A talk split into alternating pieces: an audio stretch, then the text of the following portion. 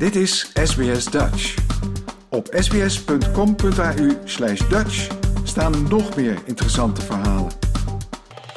Vier speren die tijdens de landing van Captain Cook in 1770 zijn buitgemaakt, zullen eindelijk terugkeren naar Country. De speren worden meer dan 200 jaar nadat ze van de Australische kusten zijn meegenomen, formeel gerepatrieerd. Dit is SBS Dutch.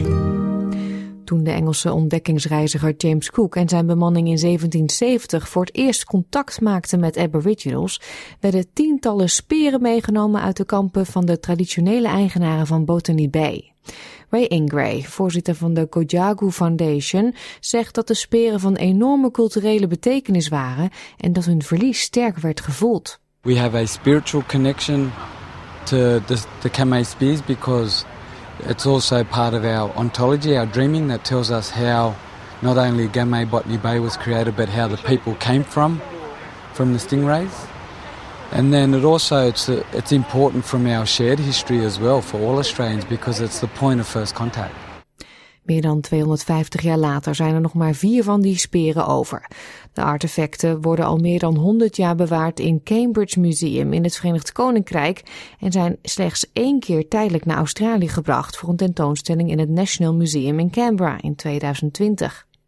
Traditionele bewaarders zeggen al tientallen jaren te lobbyen voor een definitieve terugkeer. En nu wordt dat werkelijkheid.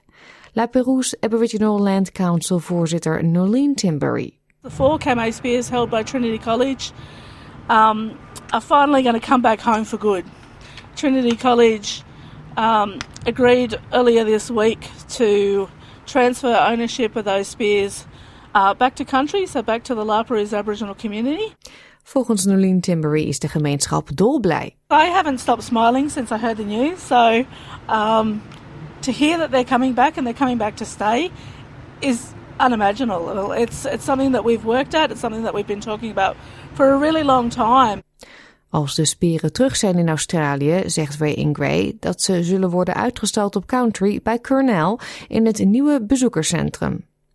Dr. Ian Coates, hoofdconservator van het National Museum of Australia, ziet de repatriëring als een positieve stap voorwaarts in het bevorderen van respectvol beheer van collecties wereldwijd. It's certainly something at the National Museum of Australia in Canberra. We work a lot with um, Indigenous communities and, and work to you know give voice to their perspectives and. Uh, you know, we're always keen to um, support those communities in their attempts to um, reconnect with collections, be they in Australia or overseas.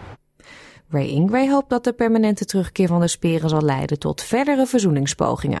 Um, it wasn't a good event um, all those years ago because there was violence straight away. Um, so it is probably a good tool that everybody can see from those events that can kickstart the conversation around. It may not have been a good history, our shared history, but nonetheless that's our history and let's look at a way how we can move forward together. Dit verhaal werd samengesteld door Deborah Grok en Emma Calloway voor SBS Nieuws en in het Nederlands vertaald door SBS Dutch. Wil je nog meer soortgelijke verhalen? Luister via Apple Podcasts, Google Podcasts, Spotify of waar je je podcasts dan ook vandaan haalt.